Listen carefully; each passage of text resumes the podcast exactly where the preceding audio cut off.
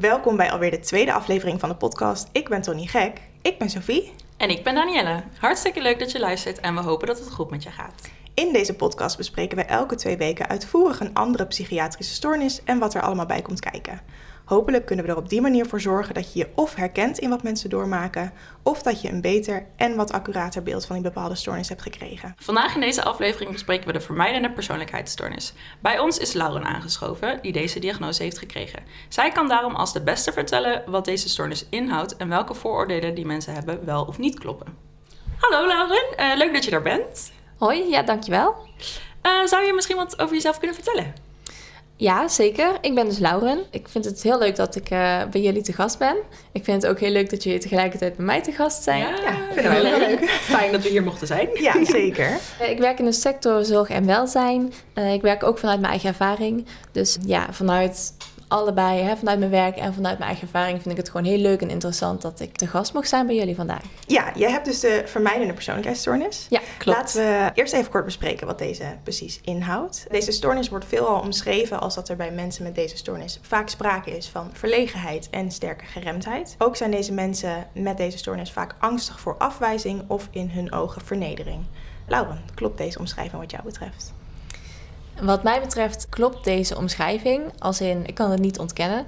Het is wel een heel beknopte omschrijving die uh, zeker nog wel genuanceerd kan worden. Maar ik uh, ga ervan uit dat we daarom vandaag hier zitten. Zeker. Dus uh, dat komt vast goed. Zeker, ja. Want hoe lang is het precies geleden dat jij deze diagnose kreeg? Deze diagnose is voor mij iets meer dan een jaar geleden. Oké. Okay. Hoe was zeg maar de route daar naartoe? Dat je dacht van oké, okay, ik merk dingetjes van ik denk ik moet misschien even hier naar laten kijken. Ja, de, de route hier naartoe die was best wel lang. Ik ben, ik denk al meer dan tien jaar geleden gediagnosticeerd met onder andere een paniekstoornis, waarvoor ik ook behandeld ben, angstproblematiek. Uh, sociale angststoornis ook, die diagnose heb ik ook. Ik heb dus al uh, heel veel hulp gehad hiervoor. Therapie, groepstherapie, dingen oefenen in de praktijk. Dus had ook echt wel mijn handvatten. Maar tegelijkertijd merkte ik dat ik dacht, ik ben er nog niet. En dat merkte ik aan heel veel dingen. Dat ik dacht, wat is dit toch wat zo diep geworteld zit? En waardoor ik niet gelukkig ben eigenlijk. En toen ben ik ook echt wel teruggestapt naar de GGZ van, goh, kijk alsjeblieft eens met me mee. En vooral prik ook alsjeblieft door me heen. Mm-hmm. Want dat heb ik echt nodig. Uh, en je benoemde net van, ik merkte aan zoveel dingen van, ik ben er nog niet. Ik weet niet, er, er moet nog iets veranderen. Kan je benoemen wat dat die dingen dan waren waardoor je dacht, dit is het nog niet? Ja, nou ik had niet meer zoveel last van, ja, hoe moet ik dat noemen? In mijn dagelijkse leven viel de angst me misschien niet eens zo heel veel op. Um, omdat ik heel goed meekwam met, uh, met alles. Ik kon mijn werk goed doen. En ik denk ook dat misschien dat er niet eens zo heel veel opviel. Kijk, er werd net al benoemd van in die vermijdende persoonlijkheidsstoornis, daar zit misschien een bepaalde verlegenheid en geremdheid. En die geremdheid die komt op de buitenwereld op een bepaalde manier over. Maar voor jezelf is die geremdheid een soort van stem die, die zegt van hé, hey, dit is niet goed genoeg. Wat je, wat je nu zegt, hè, dit moet slimmer of dit moet leuker of beter of grappiger. Dat is heel, heel vermoeiend uh, als, je, als je dat eigenlijk continu van jezelf te horen krijgt. Maar dat is die geremdheid voor jezelf en die is heel naar. En het belemmert je ook echt om je eigen persoon te laten zien. En juist doordat alles zo goed moest zijn voor de buitenwereld, hebben therapeuten denk ik ook heel veel moeite gehad om echt door mij heen te prikken. Dat ik ook echt letterlijk heb gezegd van joh, um, alsjeblieft prik door mij heen, want ik doe dit. Uh, ik laat wat anders zien hier dan... Uh, uh, dan dat het misschien is als je alleen bent of thuis. Ja, of dan wat er echt in zit, zeg maar. Ja, ja, ja. dat misschien wel. Ik bedoel, er is zo'n uitspraak hè, van... Goh, uh, je, dat, dat iemand een masker op kan zetten. En ik dacht ook altijd van mezelf, dat doe ik niet. Dat doe ik niet. En ik had niet zoveel met die uitspraak. Uiteindelijk kwam ik erachter van... oh ja, dat is precies wat ik doe. Vooral als ik bij therapie zit. Ja, heel herkenbaar inderdaad. Ik weet nog dat ik heel vaak ook te horen kreeg van mijn therapeut... van oké, okay, Daan, laat nou zien hoe het echt met je gaat. Dat doe je dan niet eens heel bewust om het dan zo te verbloemen. Maar dat is gewoon omdat je... wat ik ook bij mezelf herken, heel erg die perfectionistische stem, zeg maar. Waardoor je denkt, ik moet goed zijn en het mag niet slecht met me gaan. Ja. En dat je daardoor dus heel goed kan verbloemen eigenlijk. Terwijl dat eigenlijk, je bent jezelf dan gewoon aan het saboteren. Want daardoor krijg je niet de gepaste hulp die je eigenlijk nodig hebt. Ja, dat klopt. Ja, precies. Waaraan merk je nog meer dat je deze persoonlijkheidsstoornis hebt? Ik merk het vooral aan, uh, aan een hele sterke, veel eisende kant. Die we gelukkig sinds de diagnose ook heel erg hebben kunnen aanpakken. Bij mij een persoonlijkheidsstoornis is ook een persoonlijkheidsstoornis waar je weer afscheid van kan nemen. En dat geldt voor mij gelukkig ook. Ik was ook heel blij eigenlijk. Of ja, blij is misschien is een groot woord natuurlijk. Maar met, uh, met de diagnose was wel echt zo'n moment van: oh hè, hè we hebben hem. Ja. Ik heb zo lang rondgelopen met bepaalde klachten die voor mijn gevoel nog niet gezien werden. Dus, uh, dus dat was heel fijn. Dus eindelijk hè, dat, je, dat je dat dan ook aan kunt pakken en dat je daar iets mee kunt, waardoor je ook echt weer gezond kunt gaan ontwikkelen. Uh, Lauren, je benoemde net die veel eisende kant, dat je daar best wel veel last van hebt. En in de kenmerken uh, staan natuurlijk ook van de angst voor afwijzing in persoonlijke relaties. Hoe merk jij daar iets van? De periode uh, waarin het voor mij duidelijk werd dat ik zoveel last had, van de angst voor afwijzing, ja. de hè, moeite met persoonlijke relaties. Dat was voor mij vooral in de periode na het overlijden van mijn vader. Dat was vooral omdat ik die, in die periode heel verdrietig was en heel boos was om alles wat er was gebeurd. En um, ik had ook het idee dat ik dat niet met mezelf mee kon brengen naar een ander toe. En uh, inderdaad dat ik heel verantwoordelijk was voor het beschermen van dat gevoel of het niet laten zien van dat gevoel. Of als ik dat wel zou laten zien, hè, dat, dat dat dan niet goed zou zijn of dat ik niet goed zou zijn. Want dat zit heel diep, dat lage zelfbeeld. En hetgeen waar je misschien elke dag mee opstaat en elke dag mee naar bed gaat. En wat je zo, wat zo als een deken over je heen kan liggen, want dat, dat kan met rouw. Dat juist dat hetgene is wat je eigenlijk niet van jezelf mag laten zien. En dat is eigenlijk heel gemeen om tegen jezelf te zeggen. En, uh, maar dat zag ik toen ook niet in. Nee, want ik denk als je het inderdaad over iemand anders zou hebben, dan zou je yeah. denk ik iemand aanraden. Praat erover. Doe yeah. het vooral, want mensen reageerden er vaak gewoon op een goede manier op. Ja. Uh, het is dan zo naar dat je dan tegen jezelf heel streng bent. Ja, dat klopt. En dat was ook dan wel echt waar, waardoor ik merkte dat ik nog zoveel last had van die angsten. En dus waarschijnlijk van de vermijdende persoonlijkheidsstoornis. Wat ik misschien wil vragen, want je had het in het begin ook over dat je dan ook sociale angststoornis he hebt, had misschien. Maar ik had dus gelezen dat dat dus heel, wel heel veel hierop lijkt. Maar wat misschien de precieze verschillen zijn. Maar er zit, nou, wat, wat misschien voor mij nog wel het verschil maakt, is dat sociale angststoornis, dat kan ook gewoon heel gericht, gericht zijn inderdaad op het ongemak. Of dat je denkt, er gebeurt me iets heel naast in een sociale situatie, terwijl dat helemaal niet aannemelijk is, maar voor jezelf wel. Ja, ja. En die vermijdende persoonlijkheidsstoornis is ook voor een groot deel van mij geweest het, het vermijden van mijn gevoel, bijvoorbeeld. Of hè, bepaalde kanten in je persoonlijkheid die zo kunnen overheersen, waardoor je inderdaad uh, angst, angstig wordt. En dat hoeft bij een sociale angststoornis niet zo te zijn. Dat kan ook door negatieve ervaringen komen. Ja. Of herhaaldelijks negatieve ervaringen. En dat, dat het dan puur gericht is op een bepaalde sociale situatie. Ik weet niet of ik dat goed vertellen, want je hebt ook even gegeneraliseerde angststoornis. En dan ja. zit die ook weer op meerdere vlakken. Ja. Maar goed, voor mij is ja. het ook. Dan denk ik, ja, weet je, um, de ene dag uh, was ik ook bang om hoi te zeggen tegen de buurman. Terwijl de andere mm. dag boeit me niet. Ja, en, prima, um, en denk je, oké, okay, maar die confrontatie, hey, daar ga ik uh, lekker niet doen. Mm -hmm. ja. ja. Nou, we hebben het net over, uh, over relaties dan gehad. Op wat voor aspecten merk jij nog meer dat je dit hebt? Merk je het bijvoorbeeld als je in een supermarkt loopt? Heb je dan dat je denkt van, oh ja, dit is wel iets typisch hiervoor? Ik vind hem zo lastig. Kijk, als we het hebben over de sociale angststoornis, ga ik toch daarop in. Mm -hmm. maar als we het hebben over sociale angststoornis of paniekstoornis ja. uh, van, uh, van eerder, dan, dan zijn dat wel inderdaad heel typische voorbeelden. Precies. Um, dacht ik, oh, ik moet wel echt beleefd zijn, want anders dit of dat. Ik durf niet terug te lopen als het bonnetje niet klopt. Dat was veel te spannend. Ja. Um, dat zijn dingen die ik inmiddels, nou, daar draai ik gelukkig mijn hand niet meer voor om. De vermijdende persoonlijkheidsstoornis, nou, daar zou ik in eerste instantie niet zozeer last van hebben in de supermarkt, maar het kan weer wel. Want stel, ja, dat zijn uh, momenten die je heel moeilijk vindt, dan kan het zomaar zijn dat je de supermarkt vermijdt. Maar als ik het goed heb, lag het voor jou vooral bij gevoel vermijden. Dat dat ja. dat diepere, die diepere laag was waar je een beetje bij moest. Ja, voor een heel groot deel wel. En ook ja, ervaren dat, dat ik mezelf niet hoefde te schamen voor de gevoelens die eigenlijk heel valide waren. Ja. En zijn. Ja, zeker. Zijn. En je leest ook uh, in de theorie wel vaak dat mensen met een vermijdende persoonlijkheidsstoornis... dat die dat ook vaak in hun werk tegenaan lopen. Ja. Uh, dat ze dingen vermijden en uh, dat kan, zelfs kan leiden tot het missen van een promotie... of het worden ontslagen. Ja. Dus het heeft echt wel vergaande consequenties. Hoe ziet dat er bij jou uit? Ik heb juist eigenlijk het sociale beroep opgezocht. Ja, heel ja. mooi. Ja. um, het was ook inderdaad wel zo. Kijk, toen ik 17 was, toen begon ik aan mijn opleiding pedagogiek. Uh, ik had daar heel veel, ja, best veel moeite met de vakken als in het oefenen met communicatie. En uh, toen heeft mijn uh, studiebegeleider ook tegen mij gezegd van ja, goh, ik weet niet of dit de opleiding voor jou is. Ik weet niet of dit de route voor jou is. En ik merkte gewoon aan mezelf, ik dacht, ook al komt dit er nu niet uit, ik merk, ik wist gewoon van mezelf van dit is wat ik wil doen en dit is ook waar ik goed in ben. Het is ook zo dat ik heel lang gedacht heb dat ik niet sociaal was en ik ben er juist in therapie achtergekomen dat ik een heel sociaal persoon ben. En nou verraad ik eigenlijk al een beetje dat stukje over de vooroordelen.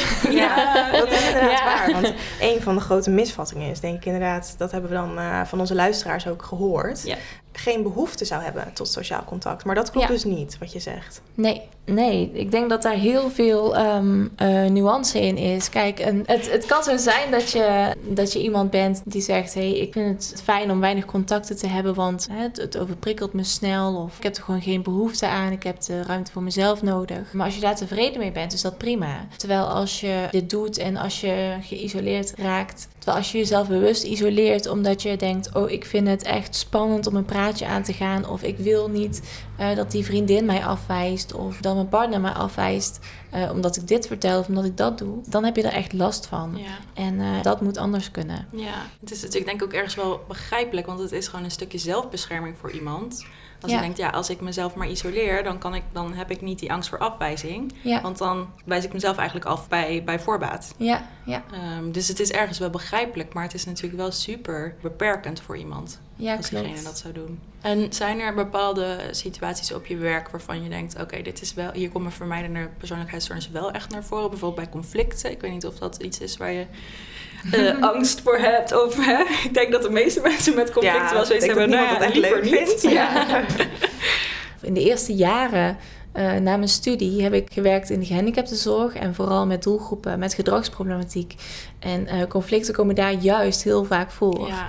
En ik vond het juist uh, heel uitdagend om te kijken van... hey, hoe, hoe, krijg je daar grip op of hoe doe je dat samen? Dus ik dat juist aan. Kan ook compensatie zijn geweest natuurlijk. Dat weet ik niet. Ik denk ook wel dat inderdaad dat wel bij je veel eisende ja, uh, stem, Of stem of kant past. Dat je dan juist de dingen op gaat zoeken die uh, ja. niet liggen of die je lastig vindt. Ja.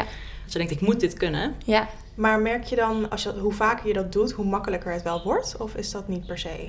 Dat zeker, ja. Ja, dat, uh, de oefening is juist heel goed. Toen ik daar werkte was ik ook in therapie en was ik dus ook echt wel al aan de slag uh, met mijn angstproblematiek. Het helpt zeker om dit soort oefeningen in de praktijk te brengen uh, op je werk of ook, nou ik heb ook veel in andere situaties geoefend. Mm -hmm. De gewone alle, alledaagse dingen. En na dit werk ben ik juist in een andere sector gaan werken. Heb ik ook, hè, ben ik dus ook die ervaringsdeskundigheid aangegaan, um, juist omdat me dat meer in balans bracht. En dat vond ik heel fijn. Lijkt me ook wel heel erg mooi inderdaad dat je je eigen ervaring dan op een hele mooie manier kan inzetten. Ja, klopt. Ja, en alles wat je geleerd hebt. Nee, dat, dat is zeker ook heel mooi. Al helemaal als je ziet wat een ander daaraan kan hebben. Ja, hè, voor mij is het ook zo dat ik altijd heel bewust bezig ben met dicht bij mezelf blijven. En dat is wel iets wat voor mij heel belangrijk is. En je benoemde inderdaad van op mijn werk bracht ik oefeningen in de praktijk, zeg maar. Maar ook in het dagelijks leven. Probeer je te oefenen bij bepaalde situaties. Hoe zagen die oefeningen er dan uit? Ja, als het gaat om contacten aangaan, kan het eigenlijk al gewoon zijn om hè, gewoon een simpel praatje aan te gaan. En daar dan van tevoren niet te veel over na te denken, bijvoorbeeld. Of gewoon maar wat zeggen of iemand onderbreken. Hè, dat waren voor mij hele belangrijke dingen, omdat ik van tevoren in mijn hoofd vaak heel lang al over iets had nagedacht of het wel goed genoeg was om te zeggen. Ja. Ja. Heel herkenbaar, ja. Ja, ja ik herken ook wel veel, moet ik zeggen. Ja, oh, ik heb dus okay. in vergaderingen gehad of zo... dat je dan 15 minuten of zo op een ding aan het broeden bent... en dan denk ik, moet perfect formuleren. Ja. Moet er vloeiend uitkomen. En dan ben ik aan de beurt, zeg maar... om eindelijk ertussen uit te brengen. En dan is het...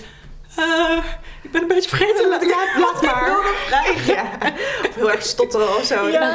En dan vervolgens weer inderdaad super hard voor jezelf zijn. Van oh, waarom lukt het anderen om zich zo goed verstaanbaar te maken? En omdat ik dan zelf maar zelf die sociale druk voelt. En inderdaad die, nou ja, dat oordeel wat mensen over je zouden kunnen hebben. Ja. Uh, dat je dan niet uit je woorden komt. Ja, ja. heel herkenbaar. Ja, Maar het leuke is dan ook om te ervaren dat als je zoiets gaat doen, dat dan inderdaad waarvan je dan denkt, oh, daar was ik echt heel bang voor, dat er dan eigenlijk helemaal niks gebeurt. En dat dat gewoon prima is. Ja, dat is wel inderdaad hoe vaker je dan dingen doet en hoe vaker je merkt van, oh, het gaat eigenlijk wel, hoe makkelijker het inderdaad wordt. Ja, Ja. ja. echt die succeservaringen opdoen inderdaad, zoals we dat zo mooi noemen. Ja. De hulpverlening. ja. Maar natuurlijk gaat het ook met vallen en opstaan, dat denk ik ook. Want je kan ook een keer er tegenaan lopen dat iets net niet gaat zoals je wil. En dat is denk ik ook weer een goede oefening van oké, het gaat niet altijd goed, maar daar leer ik ook van. En zelfs al gaat het niet goed, is het alsnog niet het einde van de wereld. Ja, dan merk je ook van oké, maar ook deze dag gaat weer voorbij. En zo erg is het niet. Wat voor mij ook heel erg belangrijk was, was ehm, om de, de negatieve gedachten die ik over mezelf had, dat die vooral wat minder wer- werden. En ja, gezonde kant zou je eigenlijk kunnen zeggen, om die meer te ontwikkelen. Ehm, hè, zodat ik ook wat positiefs over mezelf kon zeggen. En in het begin dacht ik ook echt, wow, oké, ik ga mezelf toch geen compliment geven. Ik bedoel, hallo, wie, sorry hoor, maar dat kan echt niet. Ja. Ja, dat is heel sterk aanwezig Ja. dan. Eh, terwijl als je dat gaat doen, dan merk je hoe hard je dat eigenlijk nodig hebt. Gewoon ook een keer inderdaad lief voor jezelf zijn. Ja, En Ja, dat is denk heel ik belangrijk. Heel belangrijk. En ik denk dat Maar wel lastig. veel- zeer lastig. Ja. en ik denk dat heel veel mensen inderdaad dat het totaal niet natuurlijk voor iemand is. Maar ik bedoel, als iemand eh, je een compliment moet geven, dan kan je het beter zelf zijn. Ja, ja precies. Jezelf heb je altijd bij je. ja precies. Je zou zelfs nog kunnen zeggen, ik heb vandaag nog geen compliment gehad, ik doe het zelf maar. Precies. Ja. Ja. Ja.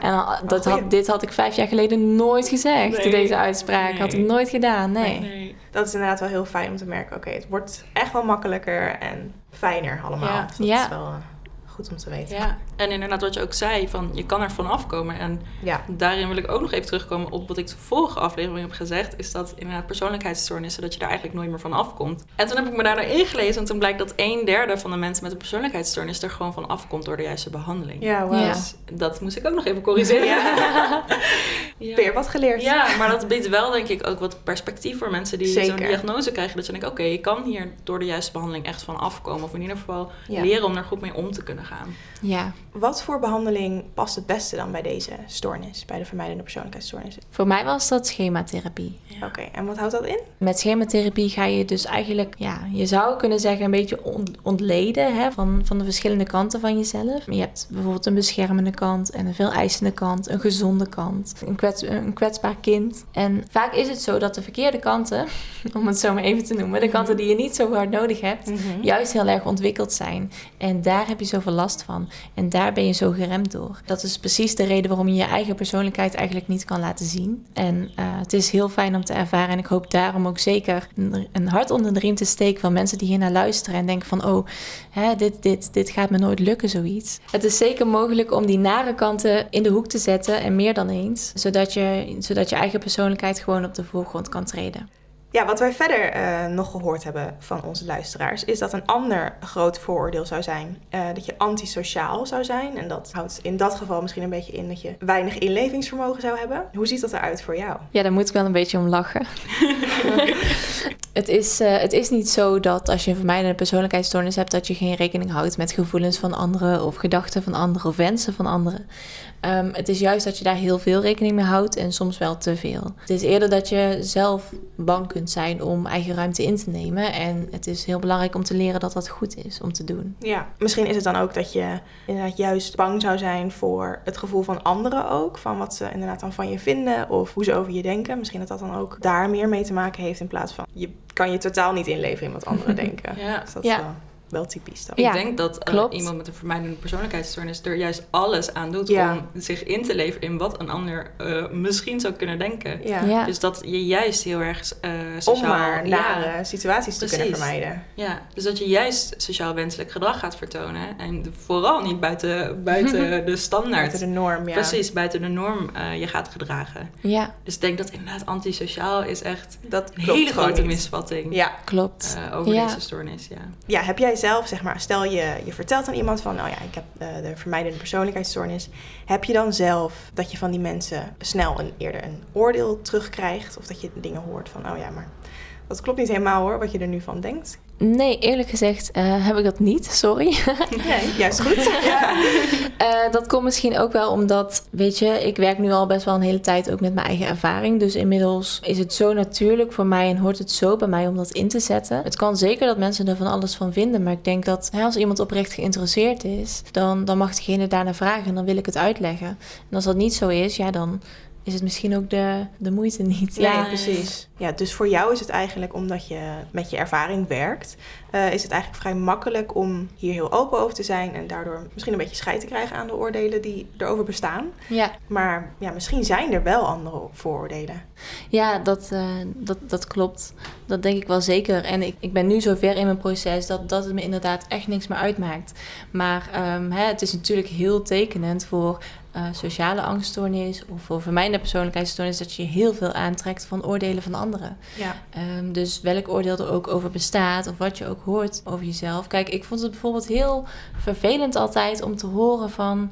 Oh Lauren, wat ben je stil? Mm -hmm. En Ja. de reden dat ik dat zo vervelend was, was omdat ik wist, ik ben zo stil omdat ik zoveel last heb van mijn, van mijn psychische kwetsbaarheid. Ja. Maar dit is niet wie ik echt ben. Nee. Dat maakt een heel groot verschil. Kijk, als ik echt een stil persoon was, zou zijn geweest, dan zou ik zeggen, prima. Weet Ja. je, ik ben geen haantje de voorstel. Als Mhm. iemand dat tegen mij zegt, zeg ik, ja, dat klopt. Ja.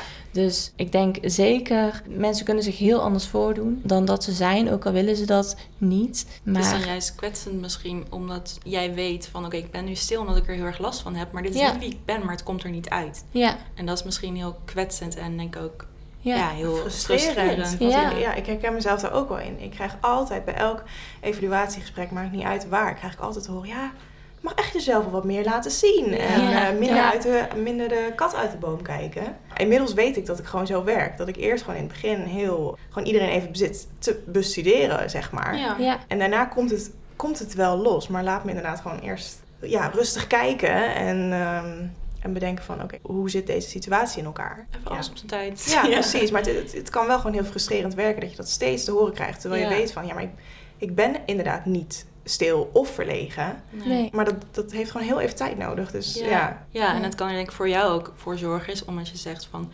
mensen met een vermijdende persoonlijkheidsstoornis, die nemen kritiek nog meer in zich op. Dus het kan er ook voor zorgen dat je dan denkt, ik ben te stil, ik moet dingen zeggen. Maar dat je dan juist heel erg op slot gaat, zeg maar. Ja, en het is ook wel het moment waarop je dan heel erg geconfronteerd wordt met je eigen psychische kwetsbaarheid. En dat is, hè, voor mij was dat vaak ook wel weer heel verdrietig. Ja. En daarin ook weer heel erg moeilijk om dat te laten zien. Dus ik denk wat dat betreft met name denk ik... Ja, hè, ik, ik moet toch een beetje denken aan degene... Ja, hier misschien niet. Degene die het hardste schreeuwen, maar in stilte kun je ook schreeuwen. Ja. Ja. Ehm, zeker. die hebben soms de meeste liefde nodig. En ik denk dat dat hier ook geldt. En wat betreft oordelen denk ik... joh, doe dat alsjeblieft niet te snel. ja, Nee. precies. Heel mooi. Stel, je zou nu weten dat eh, iedereen met een vermijdende persoonlijkheidsstoornis dat die luistert. Ja, wat zijn bijvoorbeeld handige tips en tricks voor de mensen met deze stoornis volgens jou? Wat maakt het allemaal wat makkelijker? Ook weer zo lastig, want dat is voor iedereen persoonlijk. Ja.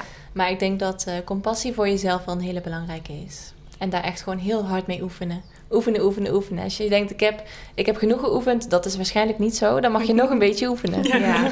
Hashtag zelfcompassie. Ja, echt. Want dat oefenen, dat ziet er dan vooral uit van gewoon echt jezelf blijven vertellen van eh, ik mag ruimte innemen en mijn gevoel mag er zijn. Ziet dat er zo uit? Of? Ehm, ja, dat, maar ook dat op blijven zoeken. Want het is natuurlijk, hè, ook al ben je hiervan hersteld, het is natuurlijk wel, het, het kan nog altijd je kwetsbaarheid blijven. Ehm, hè, een soort van valkuil Ja. waar je altijd alert op moet zijn. Dat, eh, dat kun je wel heel goed ondervangen door aandacht te blijven hebben voor, je, voor wat jij zelf lastig vindt. eh, wat betreft je vermijdende persoonlijkheidsstoornis. Eh, als we het dan even ietsjes uitzoomen en kijken naar je hebt iemand. ehm, nou ja, stel je hebt een eh, vermijdende persoonlijkheidsstoornis en iemand uit je omgeving vindt het misschien lastig om daarmee om te gaan. Wat zou jij aan diegene, zeg maar, die persoon in de omgeving willen vertellen? Ik denk dat het belangrijkste is om er voor de ander te zijn als je dat kunt. Maar het is niet erg dat je het lastig vindt, maar het is wel belangrijk dat je met een open blik naar de ander kan kijken en luisteren. Er zijn, ook al vind je het moeilijk, dat telt vaak meer dan er niet zijn. Omdat je denkt, oké, ik zal het maar niet vragen of dit is misschien te lastig of, of zoiets. En wat je net ook al benoemde, eh, was dat je zei, ja, juist omdat je heel sociaal gewenst gedrag vertoonde en een masker op had, eh, had je het van mensen nodig ook dat ze door je heen prikte. Ja. Denk je dat dat over het algemeen ook fijn is voor mensen met een vermijdende persoonlijkheidsstoornis? Nou, misschien een veel eisende kant die spreekt, maar ik durf hem zo niet te beantwoorden. Want ik denk wel dat het heel persoonlijk is voor iemand. Ja, ja. dat snap ik. Ja. Ik denk ook niet dat iedereen met deze stoornis natuurlijk hetzelfde Nee, dat is heeft. nooit. Dat Nee. is, dat is Nee. nooit. Het, het, is al, het ziet er altijd anders uit voor anderen. Ja, maar Ja. goed, misschien kunnen mensen zich hierin herkennen en Ja. ook aangeven van oké, eh, ik heb in een podcast gehoord Precies. dat ik mensen om me heen nodig heb die door me heen prikken. Ja. En ik weet dat ik me soms beter voordoe dan dat ik ben. Maar wil je me daarop aanspreken als ik dat doe? Ja. Of wil je doorvragen? Precies. Ja. Misschien dat Ja. dat ook een mooie is. Ja, dat zijn mooie voorbeelden. Dat, is toch, dat zijn toch manieren om het bespreekbaar te maken. En dat gaat ook een beetje met vallen en opstaan misschien, maar dan, daarmee kom je er wel. Ja, Ja, of, eh, of je zegt tegen diegene die het lastig vindt... nou, luister deze podcast eens even. Precies, ja, dat is ook Want, handig eh. Hier wordt gewoon uitgelegd hoe het, eh, hoe het zit. In, in dit geval dan. Ja, precies. En dan kan diegene die daadwerkelijk de stoornis heeft het nog gaan nuanceren. Van, Precies. Zo werkt het voor mij. Ja. En dit heb ik van je nodig. En ik als we dat met z'n allen zouden doen, zouden er veel minder vooroordelen zijn. Ja, minder misvattingen inderdaad. Misvattingen, ja. Ja. En dan zou je echt de ondersteuning vanuit je sociale netwerk kunnen krijgen die je nodig hebt. Ja, Ja. dat is wel belangrijk. Zeker. Nou, een hele mooie afsluiter, denk ik. Lauren, hartstikke bedankt eh, voor je goede uitleg en aanwezigheid vandaag. Graag gedaan. Ja. vond het gezellig. Ja, wij ook, zeker. Heel gezellig. Eh, goed, dit was het alweer voor vandaag. We hopen dat je het leuk vond om naar te luisteren... en dat je misschien al een heel ander beeld hebt bij de vermijdende persoonlijkheidsstoornis... dan aan het begin van deze aflevering. Ja, en mocht dat nou het geval zijn, of herken je jezelf in het verhaal van Lauren, laat het ons dan even weten via ons Instagram-account, ik ben toch niet gek, of mail ons via ik ben toch niet gek podcast@gmail.com. Dankjewel voor het luisteren en hopelijk tot de volgende aflevering. Thank you.